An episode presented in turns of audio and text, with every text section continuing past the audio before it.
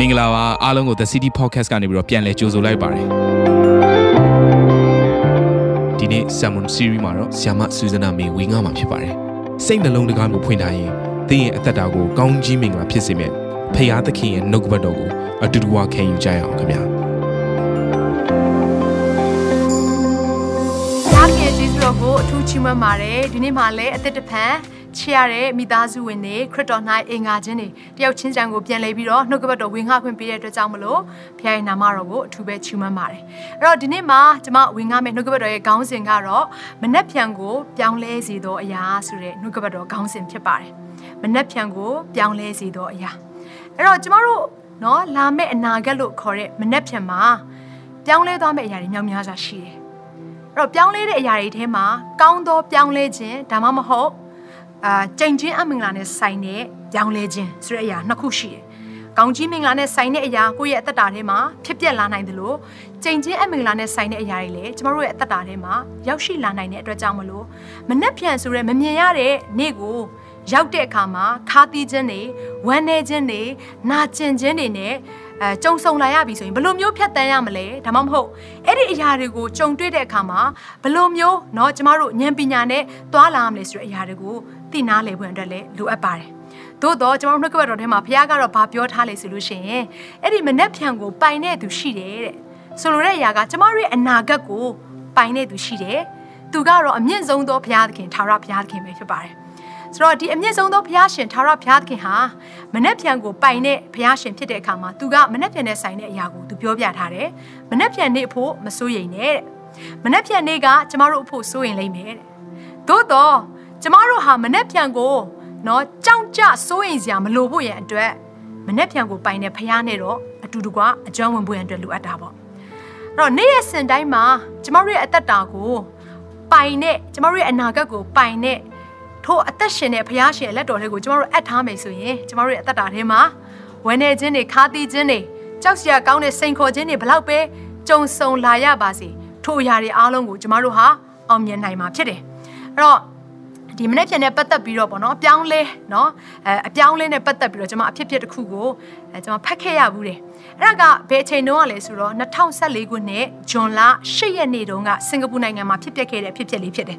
ကျွန်မတော်တော်လေးကိုအဲဒီသတင်းနဲ့ပတ်သက်ပြီးတော့စိတ်ဝင်စားတဲ့အတွက်ကြောင့်မလို့ပြန်လဲပြီးတော့ share ပြခြင်းဖြစ်ပါတယ်အဲ့တော့အဲ့မှာဘာကိုတွေ့ရလဲဆိုလို့ရှိရင် ဒီစင်ကာပူနိုင်ငံချန်ဂီ airport မှာအလုပ်လုပ်တဲ့အလုပ်သမားတယောက်ရှိတယ်ဆိုတော့သူကမတော်တဆเนาะသူအဲ accident ဖြစ်ပြီးတော့တေဆုံးသွားတဲ့အခါမှာသူတို့မိသားစုကလည်းအရန်ဆင်းရဲတော့အစိုးရနဲ့เนาะသူတို့ရဲ့မိသားစုကိုတနာတဲ့ပြည်သူတွေကဘာလုပ်လဲဆိုရင်ဝိုင်းပြီးတော့ဒီကြံရစ်တဲ့သူ့ရဲ့အမျိုးသမီးနဲ့သားသမီးလေးယောက်ကိုထောက်ပံ့ဖို့ရန်အတွက်ပြင်ဆင်တဲ့အခါမှာဘလောက်တောင်ပေးလိုက်လဲဆိုရင်အဲစင်ကာပူဒေါ်လာ1 million ကိုပေးလိုက်တယ်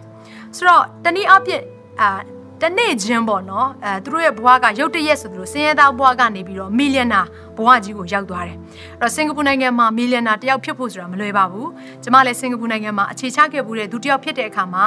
ဘလောက်ထိခက်ခက်ခက်ခဲရုန်းကန်ရတယ်လဲဆိုတဲ့အရာကိုနားလေသဘောပေါက်တယ်အဲ့တော့ဒီမှာအဲ့ဒီလိုမျိုးရုတ်တရက်ဆိုသလိုမီလီယံနာဖြစ်သွားပြီးတဲ့နောက်ပိုင်းမှာပဲဘလောက်မှမကြောက်တစ်နှစ်ကြာတဲ့အခါမှာ district time သတင်းစာကနေပြီးတော့သူပြန်ပြောတဲ့အရာကတော့တစ်နှစ်အတွင်းမှာပဲတဲ့ ဒီ14 2014ပေါ့နော်ဇွန်လ10ရက်နေ့ကပြောပြခဲ့တဲ့သတင်းစာထဲမှာတစ်နှစ်အတွင်းမှာပဲအဲ့ဒီ1 million dollar ပိုင်ဆိုင်ခဲ့တဲ့ဒီမိသားစုအမျိုးသမီးဟာတဲ့ပြန်လည်ပြီးတော့ဆင်းရဲပြီးတော့เนาะတကယ်ကိုဒုက္ခရောက်နေတဲ့အခြေအနေရှိနေပါတယ်ဆိုတဲ့အရာကိုသတင်းစာထဲမှာတွေ့လိုက်ရတယ်ဆိုတော့ရုတ်တရက်ဆိုသလိုသူ့ရဲ့နော်မနေ့ဖြန်ကလှပသွားတယ်ရုတ်တရက်ဆိုသလိုသူ့ရဲ့မနေ့ဖြန်ကပြန်ပြီးတော့ဝမ်းနေစရာကောင်းတဲ့အခြေအနေနဲ့ကြုံတွေ့ရတယ်ဆိုတဲ့အရာကိုမြင်တဲ့အခါမှာ เนาะဒါကျွန်မအရင်စိတ်ဝင်စားတဲ့အခါမှာဒီသတင်းနဲ့ပတ်သက်ပြီးတော့ကျွန်မဆက်ဖက်ကြည့်တဲ့အခါမှာဘာကိုတွေ့ရလဲဆိုတော့လူတွေမသိလိုက်တဲ့အရာရှိတယ်လူတွေမြင်တာကတော့သူ1 million ဒေါ်လာရသွားတယ်လူတွေမြင်တာကတော့သူချက်ချင်းဆင်းရဲသွားတယ်ဒီလောက်ပဲမြင်တာသို့တော့လူတွေမမြင်တဲ့နောက်ွယ်ရမှာဘာဖြစ်လို့ဆင်းရဲသွားရတဲ့အကြောင်းရင်းရှိတယ်လဲဆိုတဲ့အရာကိုသူကပြန်ပြီးတော့ရှင်းပြတယ် ဘာဖြစ်လို့လဲဆိုတော့တဲ့သူကဒီငွေကိုမတုံးတက်တဲ့အခါမှာဒီငွေကြေးတွေကိုသူရလာတဲ့အခါမှာသူ့ရဲ့ဆွေမျိုးတွေအားလုံးကလာပြီးတော့သူ့ကိုပြောတယ်ဟဲ့နော်သူ့ကိုလာချင်းကပ်ပြီးတော့ငါတို့အတူတူသွားစားရအောင်နော်ဒါလေးတွေဝယ်ရအောင်ဒါလေးတွေငါတို့ဖြုံးရအောင်စသဖြင့်အဲ့လိုဝိုင်းပြီးတော့သူ့ရဲ့အနာကိုရောက်လာတဲ့အခါမှာတဲ့သူเนาะအကောင်းကောင်းမအိမ်လဲမဝဲဖြစ်ဘူးဘာမှလဲเนาะသားသမီးတွေအတွက်စုဆောင်းတဲ့အရာမျိုးတွေလဲ तू မလုပ်ပြခဲ့တဲ့အခါမှာ तू ပြန်ပြီးတော့ဆင်းရဲသွားတယ် အဲ့တော့အဓိကနော်မနေ့ပြန်မှာပြောင်းလဲသွားစေတဲ့အရာကဘာလဲဆိုတော့လူတွေမမြင်တဲ့နောက်ွယ်ရမှာဖြစ်ပျက်ခဲ့တဲ့အရာတွေပဲဒါကြောင့်မလို့လူတွေမမြင်တဲ့နောက်ွယ်ရာမှာလောက်သမျှအရာအားလုံးဟာမနှက်ဖြန်မှာထင်ရှားလာမယ်တဲ့ရဲ့အနာဂတ်မှာထင်ရှားလာမယ်ဆိုတဲ့အရာကိုပြောနေခြင်းဖြစ်တယ်အဲ့တော့နှုတ်ကပတ်တော်ထဲမှာလုကာခန်းကြီး7နဲ့အခန်းငယ်နှစ်ထဲမှာဗာပြောထားလေဆိုလို့ရှိရင်ဖုံးထားလျက်ရှိသမျှတို့သည်ပွင့်လိမ့်မည်စိတ်ွယ်ရာ၌ရှိသမျှတို့သည်လည်းထင်ရှားလိမ့်မည်ဒီနေ့ကျမတို့ လူတွေမမြင်ရပါဘူးဆိုရယ်နောက်ွယ်မှာလုံနေသမျှအရာအလုံးကိုတနေ့ကျရင်ဘုရားသခင်ဟာထင်ရှားစွာဖွင့်ဟတဲ့အချိန်ကာလဆိုတာရောက်လာလိမ့်မယ်အဲ့တော့တဲ့အနေနဲ့လှုပ်ဆောင်တဲ့အရာတွေအားလုံးဟာဘုရားသခင်နှစ်သက်တဲ့အရာဖြစ်နေရဆိုရင်တော့ဒီနေ့ကြလို့ရှိရင်ဘုရားသခင်ဖွင့်ဟပြတတဲ့အခါမှာတော့တကယ်ကိုဝမ်းမြောက်စရာနဲ့တကယ်ဘုရားသခင်ချီးမြှောက်ခြင်းကောင်းကြီးမင်္ဂလာနဲ့သင်ခံစားမှာဖြစ်တယ်လို့ကဲမဟုတ်ဘဲနဲ့သူ့ရဲ့ဆန့်ကျင်ဘက်ဖြစ်တဲ့နော်တကယ်ကိုဘုရားသခင်နီလန်းတဲ့ကနေတွေးဖယ်ပြီးတော့ မာနရဲ့လမ်းထဲကနေပြီးတော့သင်အသက်ရှင်နေတယ်ဆိုလို့ရှိရင်တော့နော်ကျမတို့မတွေးဝန်းစရာပဲဘုရားသခင်ဖွင့်ချလိုက်တဲ့တနေ့ကြုံလာပြီဆိုရင်တော့ကျမတို့ရဲ့အသက်တာထဲမှာနာကျင်ခြင်း ဝမ်းနည်းခြင်းခါသီးခြင်းတွေနဲ့ဂျုံဆုံရမှာဖြစ်တယ်။အဲ့တော့ယောရှုမတ်စာအခန်းကြီး6တခန်းလုံးကိုကျမတို့ကြည့်လိုက်မယ်ဆိုလို့ရှိရင်ဘာဘု து အကြောင်းအရာကိုတွေ့ရတယ်လဲဆိုရင်ယာခတ်ဆိုတဲ့အမျိုးသမီးတစ်ယောက်အကြောင်းအရာကိုတွေ့ရတယ်။ဆိုတော့ယာခတ်ဟာဒီယေရီခေါမြို့မှာနေတဲ့အမျိုးသမီးတစ်ယောက်ဖြစ်တယ်။သူ့ရဲ့အလုပ်ကတော့ပြည်တစားဖြစ်ပါတယ်။ဆိုတော့ပြည်တစားဖြစ်တဲ့အခါမှာသူ့ကိုမမေရပေါင်းတင်မဲ့အမျိုးသားဆိုတာမရှိဘူး။ဘု து ကမှသူ့ကိုအထင်မကြီးဘူး။နော်လူတိုင်းကသူ့ကိုမလေးစားတဲ့အမျိုးသမီးတစ်ယောက်ဖြစ်ပါတယ်။ဆိုတော့ဒီအချိန်မှာ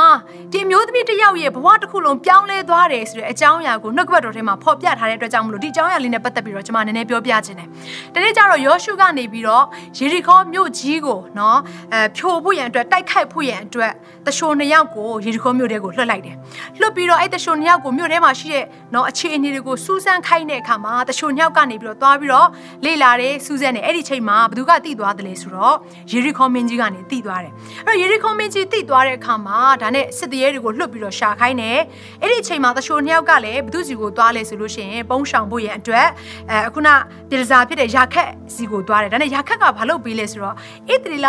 အမျိုးနယ်တွေကြီးကရောက်လာတဲ့တရှိုနှစ်ယောက်ဖြစ်မှန်းလဲသိလဲသိကိုသူကသူ့အိမ်ထဲကိုခေါ်သွားတယ်ခေါ်သွားပြီးတော့မှသူ့ရဲ့အိမ်ခေါင်မိုးပေါ်မှာရှိတဲ့ဒီရှော်ဂျိုးလို့ခေါ်မလားပိုက်ဆန်ဂျိုးလို့ခေါ်တဲ့အဲ့ဂျိုးတွေရဲ့အောက်မှာအခုနတရှိုနှစ်ယောက်ကိုထားထားပေးပြီးတော့မှဝတ်ထားပေးတယ်အချင်းချင်းအပြင်ကြည့်လိုက်တဲ့အခါမှာနောက်ဆုံးယောရှုတို့လာပြီးတော့တိုက်ခိုက်တဲ့အခါမှာဒီ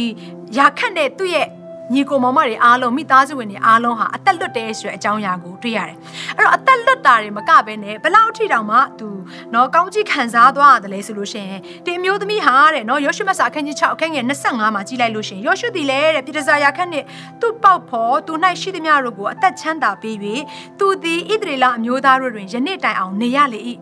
ဣသရေလအမျိုးသားတွေနဲ့အတူတူကနေဖို့ဆိုတဲ့အရာကနော်တကယ်ကို အံ့ဩစရာကောင်းတဲ့အခွင့်ထူးကြီးလို့ပြောရမှာပေါ့။ဘာဖြစ်လို့လဲဆိုရင်ဣတိလလူမျိုးတွေကတုံတယုံတပားမျိုးသားတွေနဲ့ရောရှက်လေးရှိတဲ့သူတွေမဟုတ်ဘူး။ဖျားမနှစ်သက်တဲ့သူတွေနဲ့သူတို့ဟာပေါင်းဖော်လေးရှိတဲ့သူမဟုတ်ဘူး။အခုတော့ဒီမှာဒီအမျိုးသမီးနဲ့သူ့ရဲ့မိသားစုဝင်တွေဟာဖျားရဲ့အမျိုးနွယ်ထဲမှာပါဝင်ခွင့်ကိုရလာတယ်။ဘာဖြစ်လို့လဲဆိုရင်တဲ့အကြောင်းမူကားယေရိခေါမြို့ကိုစူးစမ်းစေခြင်းကယောရှုစေလွတ်သောတမန်တို့ကိုသူတည်ဝှက်ထားသောကြောင့်ဒီအဲ့တော့လူတွေမမြင်တဲ့အရာ လူတွေမမြင်တဲ့အချိန်လူတွေမမြင်တဲ့နောက်ွယ်မှာသူကဘာလုပ်လိုက်လဲဆိုလို့ရှိရင်အခုနတရှိုနှစ်ယောက်ကိုဝတ်ထားပေးတဲ့အတွက်ကြောင့်မလို့သူဟာအခုကဲ့သို့တော့เนาะအကောင်းစားတဲ့အခြေအနေကိုရောက်ရှိလာတာဖြစ်တယ်အဲ့တော့ဒီလူနှစ်ယောက်ကိုဝတ်ထားရတဲ့အကြောင်းရင်းကိုလည်းသူကပြန်ပြီးတော့เนาะနှုတ်ကပတ်တော်မှာကြည့်လိုက်တဲ့ဆိုရင်မြင်ရတယ်။ဘာဖြစ်လို့ဝတ်ထားပေးတယ်လဲဆိုရင်ဒီ လူနှစ်ယောက်ဟာတဲ့ဘုရားသခင်လူဖြစ်ကြောင်းသူသိပါတယ်တဲ့ဘုရားသခင်ဟာတဲ့ပင်လယ်ကိုနှစ်ချမ်းခွဲပြီးတော့ဒီလူမျိုးတော်စုကိုလည်းကဲတင်ခဲ့တယ်ဆိုတဲ့အကြောင်းအရာကိုသိပါတယ်အေဂရုပီကနေပြီးတော့ဘုရားသခင်နမိတ်လက္ခဏာနဲ့ထုတ်ဆောင်တဲ့အကြောင်းအရာတွေကိုလည်းသူသိပါတယ်ဒါကြောင့်မလို့ဘုရားသခင်အမျိုးအနွယ်ဘုရားသခင်လူတွေနဲ့ပတ်သက်လာတဲ့အရာပေါ်မှာသူဟာကာကွယ်ပေးခြင်းနဲ့ဆိုနှလုံးသားနဲ့အခုနတချို့နှစ်ယောက်ကိုကာကွယ်ပေးခဲ့တာဖြစ်ပါတယ် အဲ့တော့ဒီနေရာမှာကြည့်တဲ့အခါမှာဒီမျိုးသမီးလှုပ်တဲ့အရာက तू ဘုရားသခင်ဘသူဖြစ်တယ်လဲဆိုတဲ့အရာတွေကို तू နှက်နှက်ဆက်ဆက်တော့မသိဘူးတိုးတော့ तू သိတဲ့လောက်နဲ့ဘုရားသခင်ရဲ့အပေါ်မှာ तू ယုံကြည်ခြင်းရှိနေတယ် तू သိတဲ့အကြောင်းအရာလေးနဲ့နော် तू ဘုရားသခင်ရဲ့လူတွေနဲ့ပတ်သက်တဲ့အရာတွေအားလုံးကို तू ကူညီပေးခြင်းတယ် तू ဆောင်ရွက်ပေးခြင်းတယ်တခြားလူတွေတော့မသိပါဘူးဒါနော်ဒီယေရီခေါမြို့မှာဖြစ်ပျက်သွားတဲ့ဒီအကြောင်းအရာဖြစ်ပေမဲ့ယေရီခေါမြို့သူမြို့သားတွေသိလိုက်တဲ့အရာမဟုတ်ဘူး လူနောက်ွယ်ရမှာဖြစ်ပျက်ခဲ့တဲ့အရာဖြစ်တယ်။သို့တော့အဲ့ဒီလူနောက်ွယ်ရမှာအခုနတရှိုနှစ်ယောက်ကိုဖះလူနှစ်ယောက်ကို तू ဝတ်ထားပေးခြင်းအပြင်ဘာဖြစ်သွားလဲဆိုတော့သူ့ရဲ့အနာဂတ်ဟာလှပသွားတယ်။သူ့ရဲ့အနာဂတ်ဟာတော့တကယ်ဖះသခင်ရဲ့အမျက်တော်ဒီယေရီခေါမြို့ပေါ်မှာရှခြင်းနဲ့ပတ်သက်ပြီးတော့မခံစားရဘဲနဲ့သူနဲ့သူ့ရဲ့မိသားစုဟာလွတ်ချင်းချမ်းသာကိုရတယ်။အဲ့တော့ ကြည့်လိုက်မယ်ဆိုလို့ရှိရင်ပြစ်ဒစာဘဝကနေပြီးတော့ဘုရားခင်ကသူ့ကိုဘလောက်တောင်ကောင်းချီးပေးလိုက်တယ်လေဆိုလို့ရှိရင်မမေရရဘသူမှပေါင်းသင်းခြင်းမရှိတဲ့ဒီအမျိုးသမီးရဲ့အသက်တာထဲမှာဣတိလအမျိုးနယ်ဝင်ထဲကစစ်တရေနော်အဲဘိုးအမျိုးနယ်ထဲကနေပြီးတော့နော်လူတယောက်ဟာသူ့ကိုလက်ထက်တယ်သူ့ရဲ့နာမည်ကဆာလမုန်လို့ခေါ်တယ်အဲ့တော့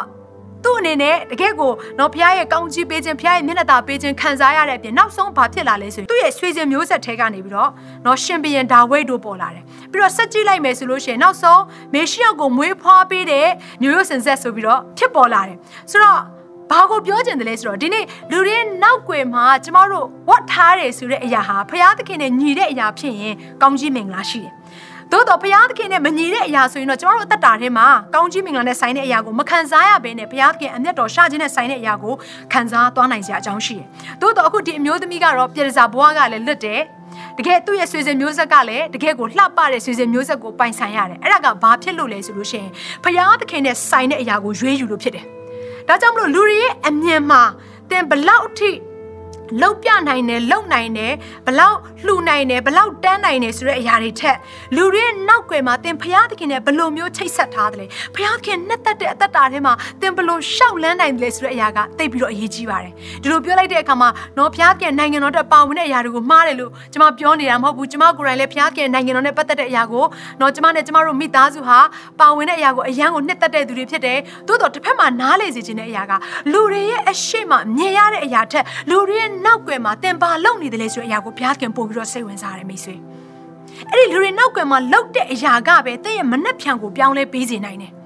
ဘုရားပြောခဲ့ပြီးပြီမဟုတ်လားလူကအခန်းကြီး7နှစ်အခန်းငယ်2ထဲမှာပြောခဲ့တယ်လေဖုံးကွယ်ထားတဲ့ဝတ်ထားတဲ့ရှိသမျှအရာအားလုံးကိုသူဖွင့်လက်တဲ့အချိန်ရောက်လာလိမ့်မယ်တဲ့ဒီနေ့ကျမတို့အထဲထဲမှာနော်ကျမတို့တိုးထားတဲ့အရာတွေကျမတို့ဝတ်ထားတဲ့အရာတွေလူမမြင်တဲ့အနောက်ကွယ်မှာကျမတို့လှုပ်ဆောင်တဲ့အရာတွေအားလုံးဟာဖရာသခင်နှစ်သက်တဲ့လှုပ်ဆောင်ခြင်းတွေပဲဖြစ်ဖွယ်အတွက် ကျွန်မအားပေးခြင်းတယ်အာမင်အဲ့တော့ပြန်ပြီးတော့ကျွန်မနော်နားလေစီခြင်းတယ်ကျွန်မတို့ရဲ့အသက်တာကိုနေ့ရက်အစဉ်တိုင်းနော်ဘုရားသခင်မျက်မှောက်တော်ထဲမှာဒါဝတ်ထားမယ်ဆိုရင်အခုနောက်လိုမျိုးပေါ့နော်ဝတ်ထားတဲ့အရာတွေညောင်များစွာရှိပါလိမ့်မယ်ဒါပေမဲ့ကိုယ့်ရဲ့အသက်တာကိုဘုရားသခင်မျက်မှောက်တော်ထဲမှာသင်ဟာဝတ်ထားတဲ့သူဖြစ်မယ်ဆိုရင်သင်နဲ့သင်ရဲ့ဆွေစဉ်မျိုးဆက်ဟာဘုရားသခင်ရဲ့ချီးမြှောက်ခြင်းဘုရားသခင်ရဲ့ရွေးချယ်ခြင်းဘုရားသခင်ရဲ့ကောင်းချီးမင်္ဂလာကိုခံစားရမှာဖြစ်ပါတယ်အာမင်အဲ့တော့ အဲဒီယောရှုမတ်စာအခန်းကြီး9ကိုရောက်လာတဲ့အခါမှာနောက်တဲ့လူတစ်ယောက်အကြောင်းကိုတွေ့ရတယ်။သူ့ရဲ့နာမည်ကဘယ်လိုခေါ်လဲဆိုတော့အာခန်လို့ခေါ်တယ်။အာခန်ဟာယူဒလူမျိုးဖြစ်တယ်။ဖျားသခင်ရဲ့အမျိုးအနွယ်ဝင်ဖြစ်တယ်။ဖျားသခင်ရွေးချယ်ခြင်းကိုခံရတဲ့အမျိုးအနွယ်ပေါ့။ဆိုတော့ဒီမှာကြည့်လိုက်တဲ့အခါမှာတနေ့ကျတော့အာခံကနေပြီးတော့ ဖျားသခင်ရဲ့စကားကိုနားမထောင်ဘဲနဲ့ဖျားမကြိုက်တဲ့အရာကိုဝတ်ထားတဲ့အတွက်ကြောင့်မလို့เนาะသူတွေမကဘဲနဲ့သူ့ရဲ့မိသားစုနော်ဘလို့အခြေအနေဖြစ်ပျက်သွားတယ်ဆိုတဲ့အကြောင်းအရာကိုကျွန်မပြောပြခြင်းတယ်အဲ့တော့ဒီယောရှုမတ်စာအခန်းကြီး9ကိုကြည့်လိုက်တဲ့အခါမှာဘာကိုတွေ့ရလဲဆိုတနေ့ကျတော့ယောရှုဟာတဲ့ယေရီခေါမြို့ကိုသူတို့သိမ်းပိုက်ပြီးတဲ့နောက်ပိုင်းမှာဆက်လက်ပြီးတော့တခြားမြို့တွေကိုသိမ်းပိုက်ဖို့ရန်အတွက်နော်လူကိုဆေလွတ်တယ်အဲ့တော့အဲ့ဒီမြို့ကဘာမြို့လို့ခေါ်လဲဆိုလို့ရှိရင်အာအီမြို့လို့ခေါ်တယ်သူကဘယ်မြို့ရဲ့အရှိမရှိတဲ့မြို့လဲဆိုလို့ရှိရင်ဘေဒလာမြို့ကို ဝင်ဖို့ရန်အတွက်အဝင်ဝမှာရှိနေတဲ့မြို့တစ်မြို့လည်းဖြစ်တယ်ဆိုတော့အဲ့ဒီမြို့ကိုသွားတိုက်ဖို့ရန်အတွက်ယောရှုကနေလူတွေကိုဆေလွတ်ပြီးတော့ကဲသွားကြည့်ကြ အဲ့ဒီမြို့မှာဘလို့အခြေအနေရှိလဲလူဦးရေဘယ်လောက်ရှိသလဲစသဖြင့်ပေါ့ဒီမြို့ရဲ့အခြေအနေကိုတွားတိုက်ဖွင့်ရန်အတွက်လူဦးရေဘယ်နှယောက်လောက်လိုမလဲဆိုတဲ့အကြောင်းအရာကိုသိနိုင်ဖွင့်ရန်အတွက်လူတွေကိုဆစ်လွတ်တယ်ဆစ်လွတ်ပြီးတော့တွားပြီးတော့ကြည့်တဲ့အခါမှာအဲ့လူတွေကပြန်လာပြီးတော့ဗာပြောလဲဆိုလို့ရှင်အော်ယောရှုရေအဲ့ဒီမြို့ကိုတွားကြည့်တဲ့အခါမှာလူဦးရေကနည်းနည်းလေးပါငါတို့အခုဒီမှာအဲအားလုံးတွားပြီးတော့တိုက်ဆရာလောက်မလိုဘူးလူ2000 3000လောက်နဲ့တွားတိုက်တယ်ဆိုလို့ရှင်အောင်မြင်နိုင်စရာအကြောင်းရှိတယ်ဒါကြောင့်မလို့ပင်မမခံပါနဲ့နော်လူနည်းနည်းလေးကိုပဲလွှတ်လိုက်ရနေပြီလို့ပြောတဲ့အခါမှာဒါနဲ့ယောရှုကလည်းလူ3000ကိုဆေလွတ်ပြီးတော့အဲ့ဒီမြို့ကိုသွားပြီးတော့တိုက်စီတယ်အဲ့တော့သွားပြီးတော့အဲ့မြို့ကိုတိုက်တဲ့အခါမှာအန်ဩစရာကောင်းတဲ့အရာကစစ်ပွဲတွေကိုအခုဒီမှာရေဒီခေါမြို့ကြီးဆိုရင်တကယ့်ကိုဒုတဲ့ကြီးမားတဲ့မြို့ရိုးကြီးတကယ့်ကိုခိုင်ခန့်တဲ့မြို့ရိုးကြီးကိုသူတို့ဘာမှတော့လုပ်ရှာမလို့ပဲအောင်မြင်ခဲ့ပေမဲ့အခုအာအေးမြို့ကိုသွားတိုက်တဲ့အခါမှာလူ3000သွားပြီးတော့နော်တကယ့်ကိုလက်နက်တွေအပြည့်နဲ့သွားတိုက်တာကိုရှုံးပြီးတော့ပြန်ပြေးလာကြတယ်လူတွေအတုံးယုံသေးကြတယ် အဲ့လိုတည်တဲ့သတင်းကိုယောရှုကကြားတဲ့အခါမှာအယမ်းကြေကွဲတယ်တဲ့ဟောကျမ်းစာထဲမှာဘယ်လိုမှတ်တမ်းတင်ထားလဲဆိုရင်ယောရှုရဲ့စိတ်နှလုံးဟာတဲ့အရေးကြိုပြီးတော့ရေကဲ့သို့ဖြစ်တယ်တဲ့။ तू အယမ်းကိုဝမ်းနေတယ်။ तू အယမ်းကြေကွဲတယ်။အဲ့ဒီအချိန်မှာ तू ဘာလုပ်လဲဆိုတော့ဖခင်ရဲ့ပဋိညာဉ်တက်တာတော့အရှိမ तू ဝတ်ပြီးတော့ तू ဖခင်ရဲ့ပဋိညာဉ်တက်တာတော့အရှိမပဲ तू ငိုကြွေးနေတယ်တဲ့။ပြီးတော့သူ့ရဲ့ခေါင်းဆောင်တွေလည်းပါတာပေါ့။ဒါနဲ့အဲ့လိုငိုကြွေးနေတဲ့အခါမှာ ။ तू ဘာကြောင့်မလို့ဒီလိုမျိုးအခြေအနေကြုံရတယ်လဲဆိုတဲ့အရာကိုဘုရားကို तू မေးတယ်။ မေးပြီးတော့ तू ဘုရားကိုဘယ်လောက်တောင်ပြောတယ်လဲဆိုကိုရောရဲ့ကျွန်တော်တို့ဟာနော်တခြားနေမြေတွေကိုမပိုင်ရလဲကိစ္စမရှိပါဘူးကျွန်တော်တို့ရော်ဒန်မြစ်ရဲ့တစ်ဖက်ကမ်းမှာနေခဲ့ရမယ်ဆိုလဲရပါတယ်။အခုဒီ ဒီဘက်အချောင်းကိုခေါ်ဆောင်လာပြီးတော့မှပဲဘာဖြစ်လို့နော်တေရတဲ့အဖြစ်ပြက်မျိုးကြုံရတယ်လဲကိုရောရဲ့ဆိုပြီးတော့သူယုံကြုံမရဖြစ်ပြီးတော့ဘုရားခင်ကိုစကားပြောတယ်။ဒါနဲ့ဘုရားခင်ကယောရှုကိုပြန်ပြောတယ်။ယောရှုအခုလိုမျိုးအခြေအနေဖြစ်ပြရခြင်းဟာမင်းတို့ရဲ့အထဲထဲမှာမတရားသောသူရှိတယ်။မင်းတို့ရဲ့အထဲထဲမှာဘုရားခင်ရဲ့တရားစကားကိုနားမထောင်ဘဲနဲ့ကိုယ့်ရဲ့စိတ်ကြိုက် ကိုလှုပ်ချင်တဲ့အရာကိုလှုပ်နေတဲ့နော်သူတယောက်ရှိတယ်ထိုအမှုရာကြောင့်မလို့မင်းတို့ဟာရန်သူကိုမနိုင်ဘူးတဲ့အဲ့တော့ဒီຢာလေးကိုကျွန်မဖတ်ချင်တယ်အဲ့ဒါကဘယ်ထဲမှာလဲဆိုလို့ရှိရင်ယောရှုမတ်စာအခန်းကြီး9အခန်းငယ်7ကနေ7ကိုကျွန်မဖတ်ချင်တယ်ဣသရေလအမျိုးသည်ပြစ်မှားပြီးငါမှားထားသောပရိညင်တရားကိုဖျက်လေပြီးကျိန်အပ်သောအရာကိုခိုးယူ၍ ပရိယေပြုသဖြင့်မိမိဥစ္စာထဲမှာထားလေပြီထို့သောဣသရေလအမျိုးသားတို့သည်ကျိန်အပ်သောသူဖြစ်သောကြောင့်ရန်သူတို့ရှေ့မှမခံမရက်နိုင်ကြောကိုလှဲ့ရကြ၏ကျိန်အပ်သောသူကိုတင်တို့အထက်ကမပယ်မရှင်းလင်တင်တို့နှင့်အတူငါမနေအဲ့တော့ကျိန်ချင်းနဲ့ဆိုင်တဲ့အရာဘုရားသခင်မနှစ်သက်တဲ့အရာနဲ့ဆိုင်တဲ့အရာဘုရားသခင်မနှစ်သက်တဲ့အခြေအနေကိုလှုပ်ဆောင်တဲ့သူเนาะဒီနေ့ဘုရားသခင်ကဗာပြောထားလဲဆိုရင်เนาะထိုအရက်မှာ तू မနေဘူးတဲ့ဘုရားသခင်ဟာမတရားသောအမှုရာနဲ့ ပျော်မွေ့တတ်တဲ့ဖရားမဟုတ်မတရားသောအမှုရာတွေထဲမှာဖရားသခင်ကအားရတတ်တဲ့ဖရားမဟုတ်ဘူးမတရားသောအမှုရာကိုဆက်ဆုပ်ယွန်ရှာသောဖရားရှင်ဖြစ်တယ်။ ဒါနဲ့ယောရှုကနေပြီးတော့မလုပ်လဲဆိုလို့ရှိရင်ဣဒေလအမျိုးနယ်တွေအားလုံးကိုသူပြောလိုက်တယ်ကဲမင်းတို့တွေမိသားစုလိုက်ငါထံကိုလာကြပါမနေ့ဖြန်မှာနေဖရားသခင်ရဲ့မျက်မှောက်တော်ထဲမှာဖရားသခင်ရဲ့ဗြိဉ္ဉ်တက်တာတော့ရှေ့မှာအားလုံးငါတို့စုံတွေ့ရအောင်မိသားစုလိုက်ငါစီကိုလာပါဆိုပြီးတော့တခါတည်းခေါ်တယ်။ဒါနဲ့မိသားစုလိုက်မိသားစုလိုက်ယောရှုကိုလာတွေ့ရတယ်။ဒါနဲ့နောက်ဆုံးအခုနနော်ကျမတို့ဖတ်ခဲ့တဲ့အာခန်အာခန်နဲ့သူ့ရဲ့မိသားစုရောက်လာတဲ့အခါမှာ အဲယောရှုကပြောတယ်ကဲမင်းအပြစ်ကိုဝန်ခံပါဆိုပြီးတော့ယောရှုကပြောတဲ့အခါမှာเนาะဒါနဲ့အာခန်ကလည်းနောက်ဆုံးမှသူပြောပြလိုက်တယ်အဲ့ဒါကဘာလဲဆိုလို့ရှိရင်သွားပြီးတော့ဒီယေရီခေါမြို့ကိုကျွန်တော်တို့သိမ့်ပိုက်တဲ့အခါမှာတဲ့အဲ့ယေရီခေါမြို့ထဲမှာသူဘာကိုတွေ့လဲဆိုလို့ရှိရင်ဘာဘလုံနဲ့ဆိုင်တဲ့ဝတ်ယုံကိုတွေ့တယ်တကယ့်ကိုလှပတဲ့ဝတ်ယုံပေါ့နော်ဒါနဲ့မကသေးဘဲနဲ့အဲ့မှာ तू တွေ့တဲ့အရာကရွှေတွေ့တယ်ငွေတွေ့တယ်အဲ့ဒီຢာတွေကို तू တက်မှတ်မိတဲ့အတွက်ကြောင့်မလို့ तू ယူလာပါတယ်တဲ့ အခုသူဘာလောက်ထားလဲဆိုလို့ရှင်သူ့ရဲ့တဲထဲမှာမြေကြီးထဲမှာသူဝတ်ထားတယ်သူရမ်းကြိုက်လို့သူရမ်းတက်မဲ့လို့သူတိန်းထားမိပါတယ်ဆိုပြီးတော့အဲ့ဒီအချိန်မှာမှအာခံကပြောလာတယ်သို့တော့သူပြောတဲ့အချိန်ကနောက်ကျသွားပြီဘာဖြစ်လို့လဲဆိုဖျားသခင်မပါဘဲနဲ့เนาะအခုနယောရှုရဲ့စစ်တရေတွေဟာသွားပြီးတော့တိုက်ခိုက်တဲ့အခါမှာရှုံးနေတယ်ဘာဖြစ်လို့ဖျားသခင်အတူမပါမရှိလဲဆိုတော့ဒီအဖွဲ့ဝင်ထဲမှာဖျားသခင်စကားကိုနားမထောင်ဘဲနဲ့ဖျားမနှစ်သက်တဲ့အရာကိုဝတ်ထားတဲ့အရာရှိရတဲ့အတွက်ကြောင့်မလို့ သူတို့ရဲ့နော်အရင်တော့ကဘလောက်ပဲစစ်ပွဲနိုင်ခဲ့နိုင်ခဲ့အခုအချိန်တွေမှာတော့ဘာဖြစ်လာလဲဆိုတော့ရှုံးနေတဲ့အခြေအနေကိုကြုံလာတယ်။ဘာဖြစ်လို့လဲအဲ့ဒါကအဓိကအကြောင်းရင်းကဘုရားသခင်မနှစ်သက်တဲ့အပြစ်နဲ့ဆိုင်တဲ့အရာကိုဝတ်ထားတဲ့အတွက်ကြောင့်မလို့ကြင်ချင်းခံရတာဖြစ်တယ်။ဒီနေ့ညီကိုမောင်မများကျမတို့ရဲ့အသက်တာထဲမှာနော်တင်ဟာဖျားအမျိုးအနွယ်ဖျားလူဘလောက်ပဲဖြစ်နေပါစေဖျားသခင်မနစ်သက်တဲ့အရာကိုတင်ဝတ်ထားမယ်ဆိုလို့ရှိရင်ဒီနေ့ဖျားသခင်ဟာတင်တဲ့အတူတူနော်တင်ရဲ့အသက်တာထဲမှာကောင်းကြီးပေးလို့ရတဲ့အခြေအနေမျိုးကိုဖျားသခင်လုပ်ပေးလို့မရအောင် တင်တဲ့အတူတူနော်ရှိသမျှတင်မတရားသောအမှုရာတွေထဲမှာလှုပ်ဆောင်တဲ့အရာတွေမှာဘုရားသခင်လိုက်ပါပေးမှာမဟုတ်ဘူးဒီနေ့ဘုရားသခင်ဟာတန်ရှင်သောဘုရားရှင်ဖြစ်တယ်ဘုရားသခင်ဟာကောင်းမြတ်ဖြောင့်မတ်စုံလင်သောဘုရားရှင်ဖြစ်တယ်ဒီနေ့ဘုရားသခင်လှုပ်ဆောင်တဲ့အရာတွေအားလုံးဟာနော်စုံလင်လှပတဲ့အရာတွေပဲဖြစ်တဲ့အတွက်ကြောင့်မလို့မတရားသောအမှုနဲ့ရှင်တွဲပြီးတော့ဘုရားသခင်ကမလုပ်တတ်တဲ့ဘုရားဖြစ်တဲ့အတွက်ကြောင့်မလို့ဒီကျမနားလေစီချင်ပါတယ်တင့်ရဲ့အသက်တာထဲမှာလည်းအခုနောက်လိုမျိုးအာခံလိုမျိုးဘုရားသခင်မနဲ့တတ်တဲ့မတရားသောအမှုရာတွေဘာတွေလဲ မတရားသောစီးပွားတွေဘာတွေရှိသလဲ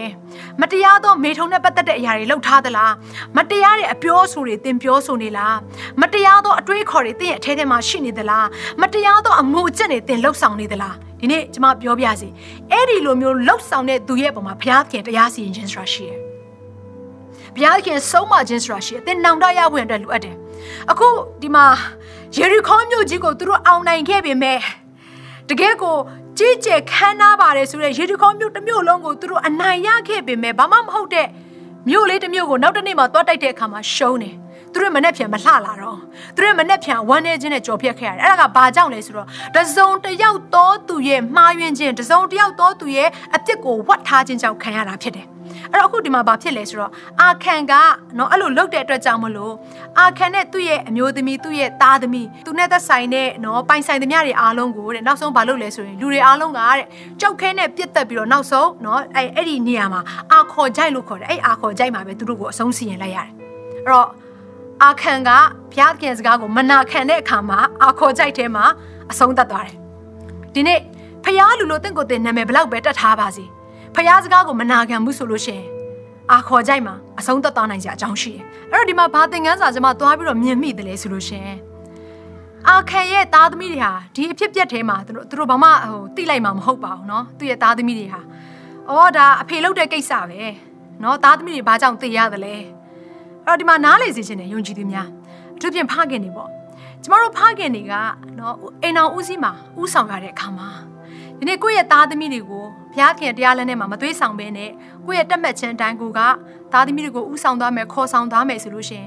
ကိုယ့်ရဲ့တက်မှတ်ခြင်းကြောင့်နဲ့ကိုယ့်ရဲ့သားသမီးတွေကိုလည်းကိုဆုံးရှုံးနိုင်စရာအကြောင်းရှိတယ်။ကိုယ့်ရဲ့အပြစ်ကြောင့်နဲ့ကိုယ့်ရဲ့မိသားစုဟာလည်းဘုရားခင်ဆုံးမခြင်းထဲမှာပါသွားစရာအကြောင်းရှိတယ် ဒီနေ့ဒီအရာဟာတိတ်ပြီးတော့ဝမ်းနည်းစရာကောင်းတဲ့အဖြစ်ပြက်ဖြစ်ပါတယ်။ကျွန်မဒီအဖြစ်ပြက်ကိုစဉ်းစားလိုက်တဲ့အခါထဲမှာကျွန်မတော်တော်လေးကိုစိတ်မကောင်းဖြစ်မိတယ်။ဒါကြောင့်မလို့ကျွန်တော်တို့တတိယမယ့်အရာကတစုံတစ်ယောက်တော့ကျွန်တော်တို့ရဲ့မိသားစုတွေကနော်ဖခင်ပဲဖြစ်ဖြစ်မိခင်ပဲဖြစ်ဖြစ်ဥဆောင်တဲ့သူတယောက်ဟာဘုရားသခင်ရဲ့လမ်းထဲကနေလွဲပြီးတော့ကိုနှစ်သက်တဲ့အရာကိုကိုဝှတ်ထားမယ်ဘုရားသခင်မကြိုက်မနှစ်သက်တဲ့အပြစ်နဲ့ဆိုင်တဲ့အရာကိုဝှတ်ထားမယ်ဆိုရင်ဒီနေ့ကိုရင်မကဘဲနဲ့ကိုယ့်ရဲ့သားသမီးတွေပါကြင်ချင်းအမင်္ဂလာကိုခံစားနိုင်ကြအကြောင်းရှိတယ်။ဒါကြောင့်မလို့ရွေးချယ်မှုမမားစေနဲ့ ကိုနှစ်သက်တဲ့လမ်းကိုကိုမရွေးဘဲနဲ့ဖခင်နှစ်သက်တဲ့လမ်းကိုရွေးပါဒါကြောင့်မလို့တကောအခန်းကြီးเนาะ၃ထဲမှာဗာပြောထားလဲဆိုရင်ခန်းငယ်၁၁ကနေ15ထဲမှာပြောပြထားတဲ့အရာရှိတယ်ဒါကတော့ရှင်ပေါလုပြောပြထားတဲ့အရာဖြစ်တယ်ရှင်ပေါလုကဗာပြောလဲဆိုရင်လူနှမျိုးရှိတယ်တဲ့ခရစ်တော်ဆိုတဲ့အုံမြစ်ပေါ်မှာကိုယ့်ရဲ့အသက်တာကိုတိဆောက်ကြတဲ့သူတွေပါပဲတဲ့သို့တော်တဲ့တိဆောက်တဲ့ပုံစံချင်းမတူတဲ့လူနှမျိုးရှိတယ်တဲ့အဲ့ဒီအရာလေးကိုကျွန်မနည်းနည်းလောက်ဖတ်ပြခြင်းနဲ့ တကောခန်းကြီး3ခန်းငယ်17ကနေ15အထိဖြစ်တယ်အကြောင်းမူကားယေရှုခရစ်ဒီဟုသောခြားလျက်ရှိသောတိုင်းမြစ်မှတပါအခြားသောတိုင်းမြစ်ကိုအဘယ်သူမျှမချနိုင် ထိုတိုက်မြက်အပေါ်၌ရွှေငွေကြောက်ကောင်တစ်သားမြက်ပင်ကောက်ရိုးများကိုထပ်ဆင့်၍တိဆောက်တော်သူရှိသည်မြအသီးသီးလှုပ်သောအလုတ်သည်ထင်ရှားလိမ့်မည်အဘယ်သို့နည်းဟုမူကားဖော်ပြခြင်းနေ့ရက်သည်မိအားဖြင့်ထင်ရှားစေလိမ့်မည်လူတိုင်းလှုပ်သောအလုတ်သည်အဘယ်သို့သောအလုတ်ဖြစ်သည်ကိုမိသည်စစ်ကြောစုံစမ်းလိမ့်မည်ထိုတိုက်မြက်အပေါ်၌ထပ်ဆင့်၍တိဆောက်သောအကျဉ်သူ၏အလုတ်သည်မြဲ၏ထိုသူသည်အကျိုးကိုခံရလိမ့်မည်အကျဉ်သူ၏အလုတ်သည်ကျွမ်းလောင်၏ထိုသူသည်အရှုံးခံရလိမ့်မည်သို့တော်လည်းမင်းနဲ့လွတ်တဲ့ကဲ့သို့သူဒီကဲ့တင်ခြင်းသို့ရောက်လိမ့်မည်အဲ့တော့ဒီမှာဘာကိုပြောလဲဆိုရင်ဒီမှာတိုက်မြစ်ဆိုတဲ့နော်ခရစ်တော်ဆိုတာကယေရှုကိုပြောနေခြင်းဖြစ်တယ်ဆိုတော့ဒီယေရှုခရစ်တော်ကိုယုံကြည်လက်ခံပြီးတော့အသက်တာထဲမှာယေရှုခရစ်တော်ကိုကိုယ့်ရဲ့နော်တိုက်မြစ်အနေနဲ့လက်ခံထားတဲ့သူတွေရှိပါလိမ့်မယ်ယေရှုခရစ်တော်ကိုယုံကြည်ပြီးတော့ယေရှုခရစ်တော်အပေါ်မှာပဲငါ့ရဲ့အသက်တာကိုတိဆောက်မယ်ဆိုတဲ့ဆုံးဖြတ်ချက်နဲ့သွားတဲ့သူရှိပါလိမ့်မယ်သို့တော်လည်းဒီမှာဘာကိုတွေ့ရတယ်လဲဆိုရင်ယေရှုခရစ်တော်အပေါ်မှာတိဆောက်ထားတဲ့သူတစ်မျိုးဖြစ်နေတယ် လူနှမျိုးကွဲပြားနေဆိုတဲ့အကြောင်းအရာကိုတွေ့ရတယ်။ပထမတစ်မျိုးကတော့ရွှေငွေကြောက်ကောင်းတဲ့ကိုယ့်ရဲ့အသက်တာကိုတိဆောက်တဲ့သူဒုတိယတစ်မျိုးကတော့တစ်သားမြက်ပင်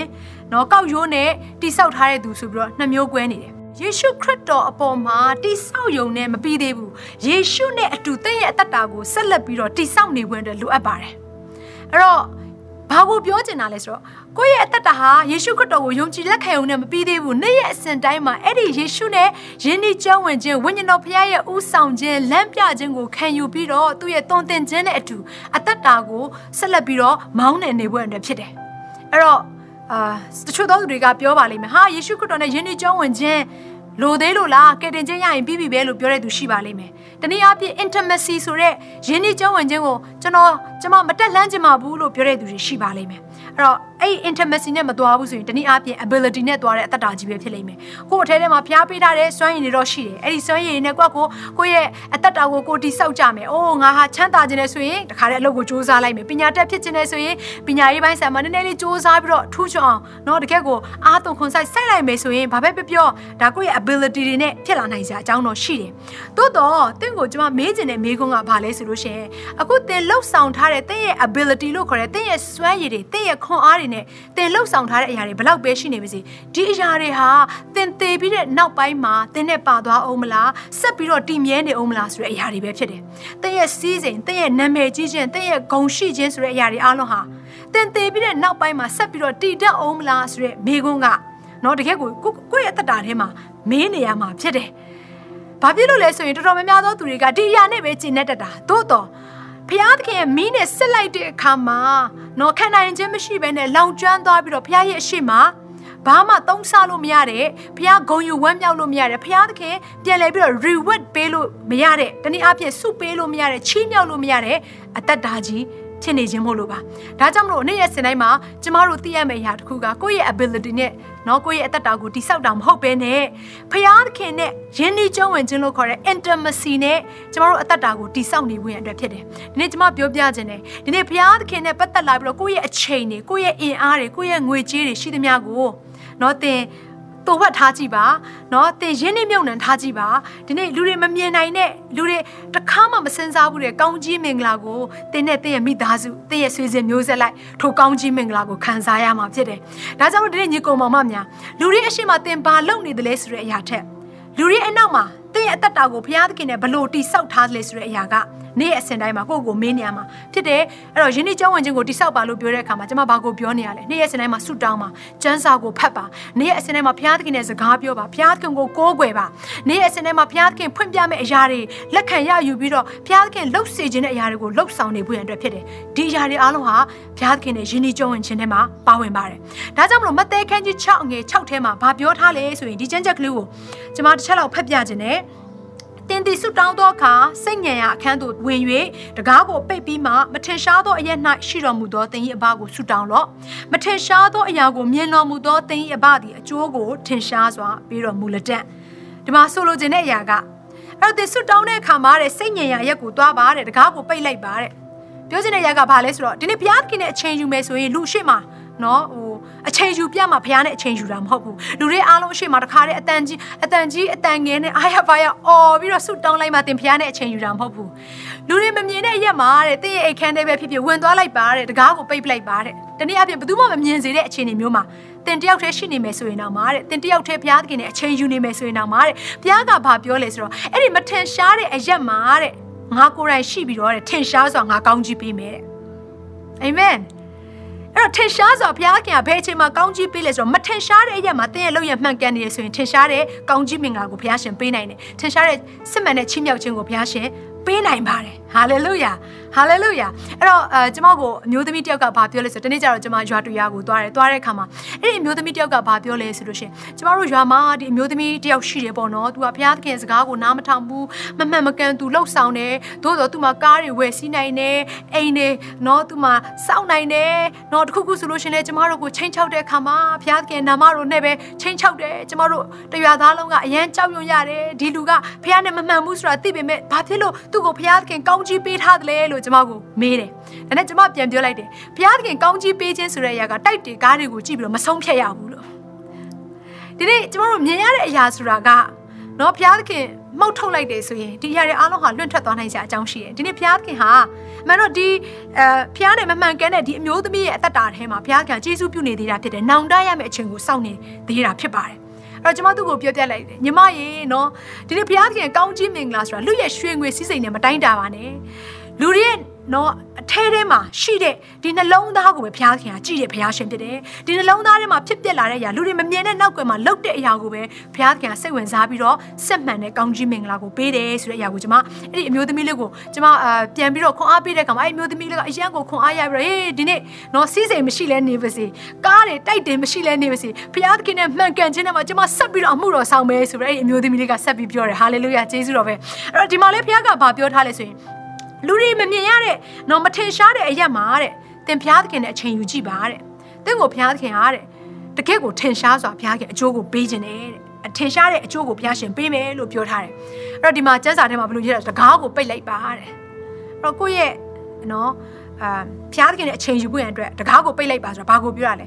ဘုရားသခင်နဲ့အချိန်ယူဖို့ရန်အတွက်အနှောက်အယှက်ဖြစ်စေမယ့်အရာတွေအစီတာဖြစ်စေမယ့်အရာတွေကိုနော်လက်မခံဘဲနဲ့ နော်အဲ့အဲ့ဒီကိုကိုဖျားရှ िख ိုးနေတဲ့အချိန်မှာဖျားနဲ့အချိန်ယူနေတဲ့အချိန်မှာအနောက်ရှက်ဖြစ်စေမယ့်အရာတွေကိုအာကိုယ့်ရဲ့အဝေးမှာထားလိုက်ခြင်းလို့ပြောခြင်းလည်းဖြစ်တယ်အဲ့တော့ဆိုပါစို့တင်ဟာဖျားကိုကိုးကွယ်နေကိုးကွယ်မဲနော်ဟိုဆိုပါစို့စန်းစာဖတ်မယ်ဆူတောင်းမယ်ဖျားကိုနော်အချိန်ပေးမယ်ပဲဆိုပါစို့ဒါပေမဲ့တင်ကဖုန်းတစ်လုံးနဲ့နော်ဘေးနားမှာချထားမယ်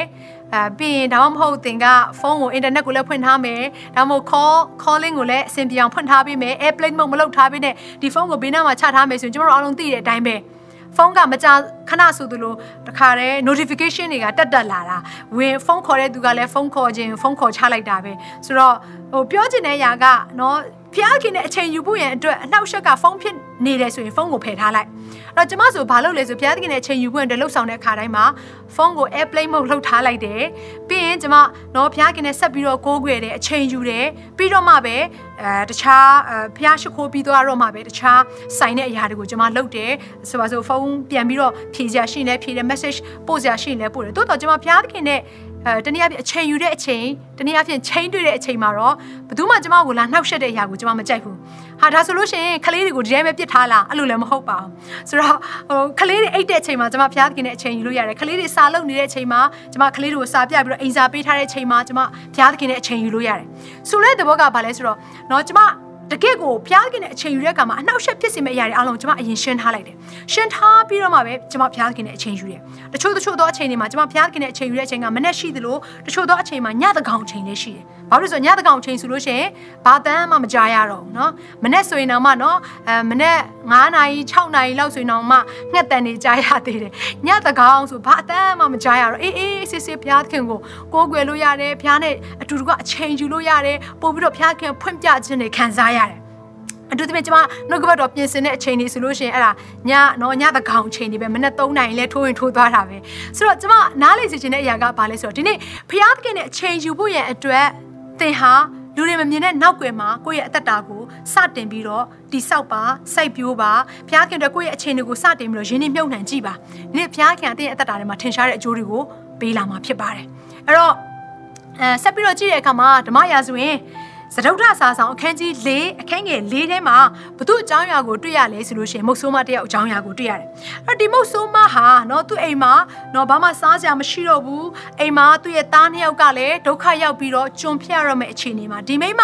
နော်ဒီအမျိုးသမီးကြီးသူလှုပ်ဆောင်တဲ့အရာကတိတ်ပြီးတော့အံ့ဩစရာကောင်းတယ်။ဖျားသခင်ခိုင်းတဲ့အတိုင်းပဲသူလှုပ်ဆောင်တယ်တဲ့။အဲ့တော့ဖျားသခင်လူဖြစ်တဲ့အေလိရှဲကနေပြီးတော့သူ့ကိုပြောလိုက်တယ်။အခုမင်းအိမ်မှာဘာရှိလဲ။ကျမစီမှာစီနည်းနည်းလေးပဲရှိတော့တယ်။ကျမမှာဘာမှမရှိတော့ဘူး။ နော်ဒါဆိုလို့ရှိရင်အဲ့ဒီစီကိုယူပြီးတော့ အဲမင်းမင်းရဲ့အိမ်ခန်းထဲကိုသွားပါမင်းအိမ်ကိုရောက်တဲ့အခါမှာတကားကိုပိတ်ပါပြီးရင်မင်းငှားထားတဲ့အိုးတွေထဲမှာအဲ့ဒီစီကိုစတင်ပြီးတော့ဖြည့်ပါဆိုပြီးတော့ဒီနေ့ဘုရားသခင်ရဲ့ပရောဖက်ဖြစ်တဲ့အေလိရှဲကနေပြီးတော့ခုနမုတ်ဆိုးမကိုပြောတယ်ဒါနဲ့မုတ်ဆိုးမကလည်းဘာလုပ်လဲဆိုလို့ရှိရင်ဓမ္မရာဇဝင်ဇရုထဆာဆောင်အခန်းကြီးလေးအခန်းငယ်လေးထဲမှာကိုအိမ်တို့ရောက်တော့အခါသားတို့ကိုခေါ်၍တကားကိုပိတ်ပြီးမှငှားယူသောအိုးများတဲ့သူစီကိုအပြည့်လောင်၍ထားလို့ဟုစီရင်သည့်အတိုင်းထိုမိမသည်တွား၍သားတို့သည်အိုးများကိုယူခဲ့ပြီးမှမိမသည်သားတို့နှင့်အတူအိမ်ထဲသို့ဝင်၍တကားကိုပိတ်လျက်စီကိုလောင်းလေ၏တနည်းအားဖြင့်ဒီနေ့ဘုရားခင်ကိုယ့်ရဲ့မိသားစုထဲမှာအလုပ်လုပ်ဖို့ရန်အတွက်ကိုယ့်ရဲ့အသက်တာထဲမှာအလုပ်လုပ်လို့ရဖို့ရန်အတွက်မလိုအပ်တဲ့တခြားသောအနှောက်အယှက်တွေကိုပိတ်ဆို့လိုက်ခြင်းဖြစ်တယ်အဲ့ဒီအချိန်မှာဘုရားခင်နမိတ်လက္ခဏာဘုရားခင်ရဲ့ကောင်းကြီးမင်္ဂလာသူရဲ့မိသားစုထဲမှာစတင်ပြီးတော့စီစဉ်တော့တာပဲဒီနေ့တည့်ရဲ့အသက်တာထဲမှာနော်ဒီလောကနဲ့ဆိုင်တဲ့အရာတွေကိုတကားပိတ်တတ်မယ်ဆိုလို့ရှိရင်ကောင်းကင်နဲ့ဆိုင်တဲ့ကောင်းကြီးမင်္ဂလာကိုဘုရားခင်က ဖွင့်ပေးမှာဖြစ်တယ်အဲ့တော့ဒီလောကနဲ့ဆိုင်တဲ့လူတွေကိုလိုက်ပြီးတော့เนาะအာနာနေခြင်းလူတွေကိုလိုက်ပြီးတော့ဝမ်းမြောက်အောင်တခါတည်းလူတွေကိုလိုက်ပြီးတော့စိတ်ပျော်သွားအောင်လူတွေစိတ်ကျေနပ်သွားအောင်လုပ်တဲ့အရာတွေထက်ဒီမြောက်များလားဆိုတော့လူတွေကိုလိုက်ပြီးတော့ entertain လုပ်နေတာထက်ကြီးမြတ်သောဘုရားသခင်ကိုပဲသင် entertain လုပ်လိုက်ပါတနည်းအားဖြင့်ကြီးမြတ်သောဘုရားသခင်ကိုပဲသင်ပျော်ရွှင်စေသွားအောင်သင်လုပ်လိုက်ပါလုပ်ရမယ့်နီလန်းကလည်းလွယ်လွယ်လေးပဲဘာမှအထွေထူးမဟုတ်ဘူး သင်အဲ့ဒီဘုရားသခင်နဲ့အချိန်ယူခြင်းပဲဖြစ်တယ်အဲ့ဒီဘုရားသခင်အရှိမနော်သင်ရောက်သွားတဲ့အခါမှာဘာမှမစွတောင်းတတ်ရင်နေပါစေထိုင်နေလိုက်ကိုရောကိုရောအရှိမကျွန်တော်ရှိပါတယ်ကိုရောအရှိမသမီးရှိပါတယ်ကိုရောကျွန်တော်ကိုစကားပြောပါသမီးကိုစကားပြောပါကိုရောကျွန်တော်ရဲ့အသက်တာထဲမှာဘာပြုတ်ပြင်ချင်လဲနှုတ်ကပတ်တော်အပြင်ပြုတ်ပြင်မှာကိုရောရဲ့အတန်တော်အပြင်ကျွန်တော်ကိုပြုတ်ပြင်မှာစသဖြင့်ဖခင်ရဲ့မျက်မှောက်တော်အရှိကိုတင်ရောက်သွားတဲ့အခါမှာနော်ဘသူမှအနောက်ရှက်မရှိဘဲနဲ့တင်ဖခင်မျက်မှောက်တော်ထဲမှာတကယ့်ကိုအာဘယ်လိုခေါ်မလဲ အနှောက်ယှက်ကင်းစွာနဲ့ဘုရားသခင်ရဲ့အချိန်ယူနိုင်မှာဖြစ်တယ်။ဒါကြောင့်မလို့ဒီနေ့ဘုရားသခင်ရဲ့အချိန်ယူဖို့နဲ့ကျွန်မအဲလှုပ်ဆောင်ခိုင်းတဲ့အခါတိုင်းမှာကျွန်မအမြဲတမ်းအားပေးလို့ရှိရင်ကိုယ်တကားကိုပိတ်ထားလိုက်ဘုရားသခင်ရဲ့အချိန်ယူ။နော်ဘယ်သူကမှသွားပြီးတော့အချိန်မပေးနဲ့တော့အဲ့ဒီအချိန်မှာ ဘသူကမှလည်းလှည့်မကြည့်နဲ့တော့အဲ့ဒီအချိန်မှာနော်တရေရှင်ဖြစ်တဲ့အချိန်ကလွဲလို့ပေါ့နော်ဆိုတော့ဒီလိုပြောလိုက်လို့တခါတည်းအမကိုယ့်ရဲ့ကလေးတွေကဒုက္ခရောက်တော့မဲ့အချိန်တွေမျိုးဖြစ်တဲ့အဆင့်ထိတော့လှည့်မကြည့်တာမျိုးတော့မဟုတ်ဘူးလေငကိုတွေကကိုကဖះမရှိခိုးခင်ကလေးကပြင်ဆင်ရမယ့်အရာလေးတွေပြင်ဆင်ထားပေါ့နော်ကျမဆိုလို့ရှိရင်လည်းခုကလေး၃ယောက်ရှိတဲ့အခါမှာတခါတည်းတည်တည်ချာချာပြင်ဆင်ထားတယ်နော်ကျမရဲ့အိမ်ရှိတကားကိုပိတ်ထားတယ်အိမ်အိမ်အပြင်ထဲကမထွက်ရင်ဒုက္ခမရောက်တော့ဘူးလေပြီးရင်တခြားနော်အဲအဲသူတို့ကိုအန်ဒီရဖြစ်စေမယ့်အရာတွေအားလုံးကိုဖယ်ထားလိုက်တယ်အဲ့တော့ဘာဖြစ်လဲဆိုတော့သူတို့ အေးအေးစစ်စစ်အိမ်ထဲမှာလုံလုံချုံချုံရှိနေရဲ့ကျမကလည်းဘုရားသခင်နဲ့အေးအေးစစ်စစ်အချိန်ယူလို့ရတယ်အေးဒီလိုပဲအဲ့တော့ဖះခင်နဲ့အချိန်ယူလိုက်တဲ့အခါမှာလွတ်လွတ်လပ်လပ်အချိန်ယူလိုက်တဲ့အခါမှာဘာဖြစ်လာလဲဆိုတော့အသက်တာထဲမှာပို့ပြီးတော့ခွန်အားတွေရလာတယ်ပို့ပြီးတော့ကိုယ့်အတွက်တကယ့်ကိုဝမ်းမြောက်ခြင်းတွေနဲ့ပြည့်စုံလာတယ်ချွတ်တော်သူတွေကဘာပြောလဲဆိုတော့ဟာကျွန်တော်မှတဲ့ဖះရှ िख ိုးဖို့ရတဲ့ဖះခင်နဲ့အချိန်ပေးဖို့နဲ့ကျွန်တော်မှအချိန်မရှိဘူးတဲ့ ရှင်မတို့ကတော့ရှိမှာပေါ့တဲ့အမှုတော်ဆောင်တွေပဲလေတဲ့အာအာရရဒါပဲလုပ်ရှာပဲရှိတာဘူးတဲ့ဒါဒါကြောင့်မို့လို့နော်ဖះခင်နဲ့အချိန်ယူနိုင်တာမစမ်းပါဘူးတဲ့ဒီနေ့ကျွန်မပြောပြခြင်းတယ်ဖះခင်နဲ့အချိန်ယူခြင်းတင်ရှိလိုက်လို့တင့်ရဲ့အချိန်တွေဘယ်တော့မှမကုန်သွားအောင်မယုံစမ်းကြည့်ပါဘုရားသခင်ကိုအချိန်မပေးလေလေတင့်ရဲ့အသက်တာထဲမှာအချိန်မလောက်လေလေပဲဖြစ်လိမ့်မယ်ဘုရားသခင်ကိုပေးသမျှအရာအားလုံးဟာတိုးပွားခြင်းပဲရှိတယ်ဘုရားကိုတင်ငွေကြေးပေးကြည့်လိုက်ငွေကြေးတိုးပွားခြင်းပြန်ခံစားရတယ် ဖခင်ခင်ကိုတင်ချီးမွမ်းခြင်းပေးကြည့်လိုက်ချီးမြှောက်ခြင်းပြန်ခံစားရတယ်ဖခင်ခင်ကိုတင်အချိန်ပေးကြည့်လိုက်တင်ရဲ့အသက်တာထဲမှာဖခင်ခင်အချိန်မြောက်များစွာကိုပြန်ပေးလိုက်မှာဖြစ်တယ်အဲ့တော့ကျွန်မရဲ့အသက်တာထဲမှာလည်းဖခင်ခင်အချိန်ပေးလေလေကိုယ့်ရဲ့အသက်တာထဲမှာအိုတကယ်ကိုလှုပ်ဆောင်တဲ့အရာတွေကအဲ့နေ့မှာပို့ပြီးတော့ပြီးမြောက်လေလေထိုအရာတွေကိုကျွန်မတွေ့ရတယ်ဒါကြောင့်မလို့အချိန်မရှိဘူးလို့ဘယ်တော့မှမပြောပါနဲ့ဖခင်ခင်အတွက်အာမင်ဖခင်ခင်တဲ့တင်အချိန်ပေးကြည့်လိုက်ပါဒီနေ့ကစတင်ပြီးတော့တင်လှုပ်ဆောင်ကြည့်လိုက်ပါကိုရောကိုရောကိုဒီနေ့ကစပြီးတော့တမီးအချိန်ကိုပေးမယ်ဆိုပြီးတော့ဆုံးဖြတ်ချက် ချပြီးတော့ဘုရားခင်စီမှာအချိန်ပေးခြင်းတယ်ပေးစီခြင်းတယ်အဲ့တော့တချို့သောသူတွေကအာအဲ့လိုမျိုးဆုံးဖြတ်ချက်ချတဲ့သူတွေရှိဘူးပါလိမ့်မယ်အဲ့လိုရှိဘူးပေမဲ့လည်းပြဿနာကပါလဲဆိုတော့ဘလောက်မှမခံဘူးတရက်မခံတပတ်မခံတလမခံတဲ့နော်ဆုံးဖြတ်ချက်တွေဘာလို့ဖြစ်ဖြစ်သွားကြလဲဆိုတော့ဒီမှာလှုပ်ဝက်ချက်လေးတစ်ခုကိုပြောပြမယ်ဘုရားသခင်နဲ့အချိန်ယူခြင်းမှာဘာလို့ပြက်ကွက်သွားတယ်လဲဆိုတော့သူကပြောစရာမကောင်းလို့လေပြောစရာမကောင်းမနဲ့ညင်းငွေစရာဖြစ်လာတဲ့အခါမှာဆက်ပြီးတော့မလုပ်ချင်တော့လူကကိုပြောစရာကောင်းတဲ့အရာဆိုခဏခဏလုပ်တယ် ပြောကြမကောင်းတဲ့အရာဆိုမလုပ်တော့ဘူးလေအဲ့တော့ဘုရားခင်နဲ့နော်အချိန်ယူခြင်းဆိုတာကပြောကြမကောင်းတဲ့အရာမျိုးဘာဖြစ်လို့ဖြစ်တတ်လဲဆိုတော့အဲ့ဒါကဘာကြောင့်လဲဆိုလို့ရှင် I have to ဆိုတဲ့ thinking ရှိနေလို့ duty တစ်ခုလိုမျိုးတာဝန်တစ်ခုလိုမျိုးငါဘုရားသခင်နဲ့အချိန်ယူရမယ်ဆိုတဲ့အတွေးခေါ်ကြီးရှိနေတဲ့အတွက်ကြောင့်မလို့ဘုရားသခင်နဲ့အချိန်ယူရခြင်းကိုဘယ်တော့မှမပြောမပြောနိုင်တာဖြစ်တယ်ဥပမာပြောပြမယ်။သမီးစားတယောက်တင်ထားလိုက်တယ်ဆိုပါစို့အမျိုးသမီးပဲဖြစ်ဖြစ်နော်တကယ်အမျိုးသားပဲဖြစ်ကဲရီးစားထားလိုက်တယ်။ရီးစားကတင့်ကိုနော် တောင်းဝန်နော်ဒီအချိန်မှာငါ့ကိုချိန်တွေ့ရမယ်ဒီအချိန်မှာငါ့ကိုစကားမပြောနဲ့ဒီအချိန်မှာတော့ပြောရမယ်အဲ့လိုပုံစံနဲ့တင်သမီးစားထားရမယ်ဆိုရင်အဲ့ဒီ main ကလေးပေါ်မှာအဲ့ဒီယောက်ျားလေးပေါ်မှာတင်နော်ဘာပဲပြောပြောဟို boring ဖြစ်သွားမယ်တင်ညင်းညူလာမယ်တင်စိတ်ပြတ်သွားမယ်မဟုတ်ဘူးလားအဲ့တော့တကယ်ချစ်ပြီဆိုလို့ရှိရင်သူ့မှာအချိန်တွေတောင်ကန့်သက်လို့မရတော့ဘူးတစ်ချိန်လုံးစကားပြောခြင်းနေတာတစ်ချိန်လုံးဆက်သွယ်ခြင်းနေတာတစ်ချိန်လုံးတော့သူ့မျက်နှာကိုမြင်ခြင်းနေတာသူ့အနားမှာရှိနေခြင်းတာသူ့စကားအတန်ကိုကြားနေခြင်းတာမဟုတ်ဘူးလား ဒီလိုပဲဒီလိုပဲအဲ့တော့ဒီနေ့ဘုရားသခင်နဲ့အချိန်ယူခြင်းဆိုတဲ့အရာကတာဝန်တစ်ခုလိုငါလောက်ရမယ်ဆိုအတွေးခေါ်ခေါင်းထဲကထုတ်ထားလိုက်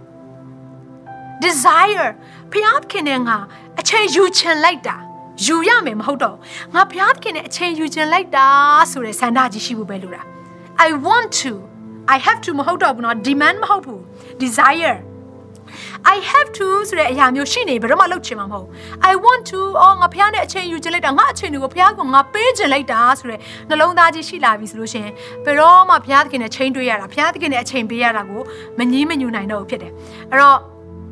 အာဖျားသခင်နဲ့အချိန်ယူတဲ့အခါမှာလည်းနော်ငါအချိန်ကိုငါ10မိနစ်ပေးမယ်15မိနစ်ပေးမယ်နိုင်ရွက်ပေးမယ်အဲ့လိုမျိုးမစင်စားစေချင်ဘူးကျမကတော့ဘယ်လိုစဉ်းစားသလဲဆိုလို့ရှိရင်ငါအချိန်တွေကိုငါဖျားသခင်နဲ့ဘယ်လိုဖြောရင်ကောင်းမလဲလို့ကျမစဉ်းစားတယ် ငါအချိန်တွေကိုငါဖျားသခင်အတွက်ဘယ်လိုမျိုးဖြုံးတီးလိုက်ရမလဲနော်အဲ့ဒီအတွေးခေါ်ကျွန်မရှိလာတဲ့အခါမှာနော်ဖျားသခင်နဲ့ပတ်သက်လာရင်ဖျားသခင်နဲ့အချိန်ယူရမယ့်အရာတွေကိုကျွန်မမနှမျောတော့ဘုရားသခင်ကကျွန်မတို့နံပါတ်1ဖြစ်လာတယ်။ဘုရားသခင်ရဲ့အချိန်ယူယူရခြင်းကကျွန်မတို့ပို့ပြီးတော့နော်ဟိုဝမ်းမြောက်စရာကောင်းပြီးတော့အချိန်တွေကဘုရားသခင်ရဲ့အချိန်ပေးခြင်းပို့ပို့ပြီးတော့မှန်ကန်လာတယ်။ပို့ပို့ပြီးတော့အချိန်တွေများများဘုရားသခင်ကိုကျွန်မပေးပြစ်လာတယ်။ဒါကြောင့်မလို့ညီကောင်မမများဘုရားသခင်ရဲ့နော်အချိန်ယူခြင်းကကျွန်မတို့အတွက်ကုံဆုံးသွားတာမဟုတ်ပါဘူး ကျွန်မတို့အတွက်တိုးပွားခြင်းတွေကိုပဲဘုရားခင်ကပြန်လဲပြီးတော့အကျိုးကိုပေးမှာဖြစ်တယ်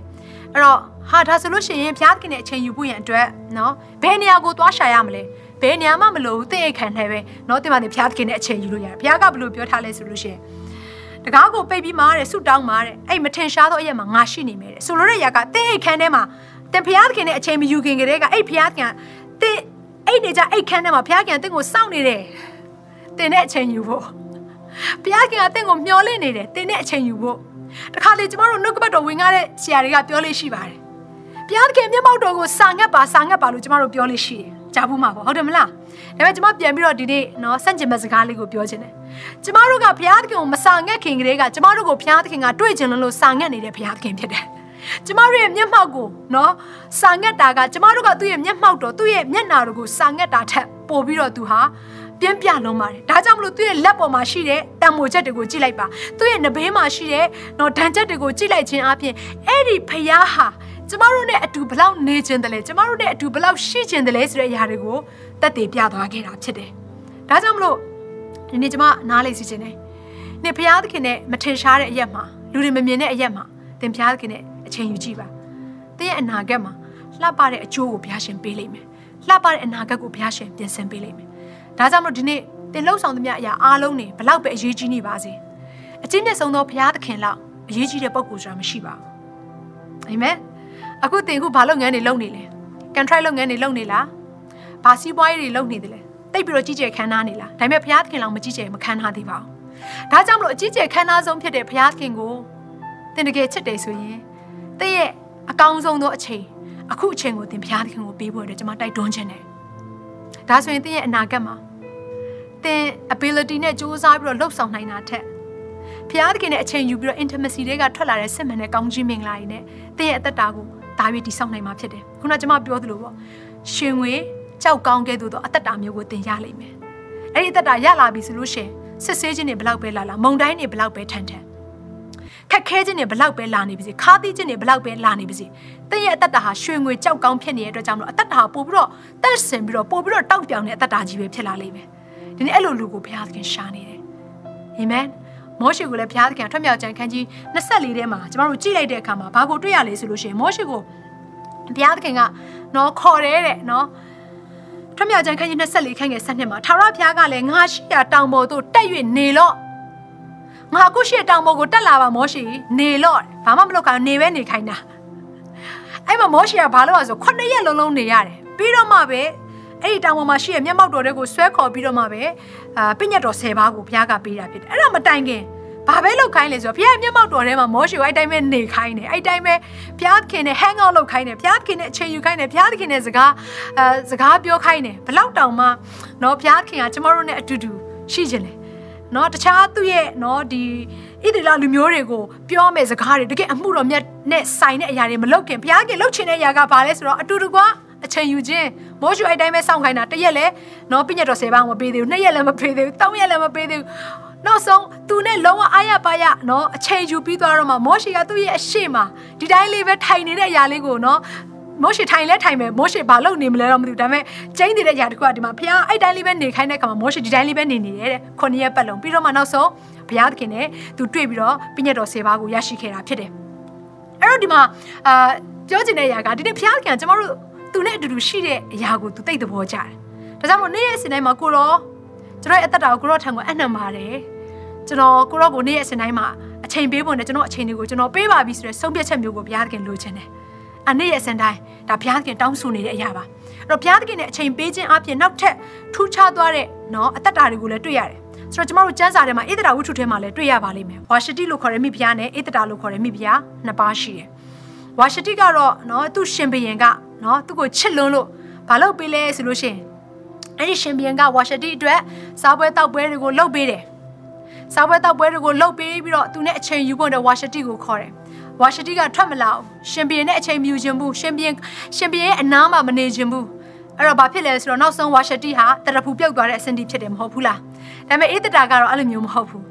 ရှင်ဘီယံကသူ့ကိုမခေါ်ခင်ကတည်းကရှင်ဘီယံအတွက်နော်သူကအရင်ဆုံးဘာလုပ်ပေးလဲဆိုလို့ရှိရင်အဲစားတောက်တဲ့နော်အဲပွဲတွေကိုပြင်ဆင်ပေးတယ်ရှင်ဘီယံကသူ့ကိုမခေါ်ခင်တည်းကရှင်ဘီယံနဲ့သွားတွေ့တယ်နော်ရှင်ဘီယံနဲ့အချိန်ယူဖို့အတွက်သွားပြီးတော့ကမ်းလှမ်းတယ်အဲ့တော့ဘာဖြစ်လဲဆိုတော့နောက်ဆုံးမှာ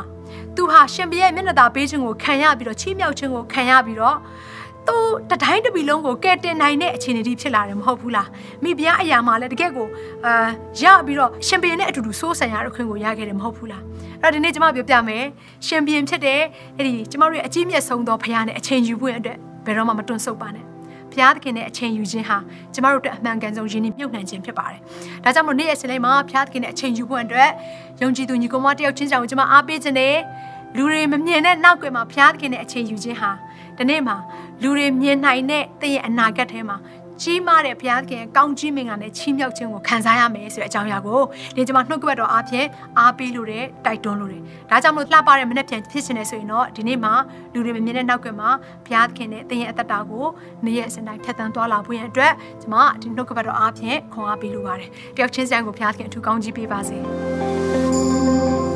ဒီအစီအစဉ်လေးအပြင်တင်းရဲ့အသက်တာမှာကောင်းကြီးဖြစ်မယ်ဆိုတာကိုကျွန်တော်ယုံကြည်ပါတယ်ဗီဒီယိုကြည့်ပြီးခံယူလို့သူများအတွက်အပတ်စဉ်တရားဟောခြင်းများ Bible Study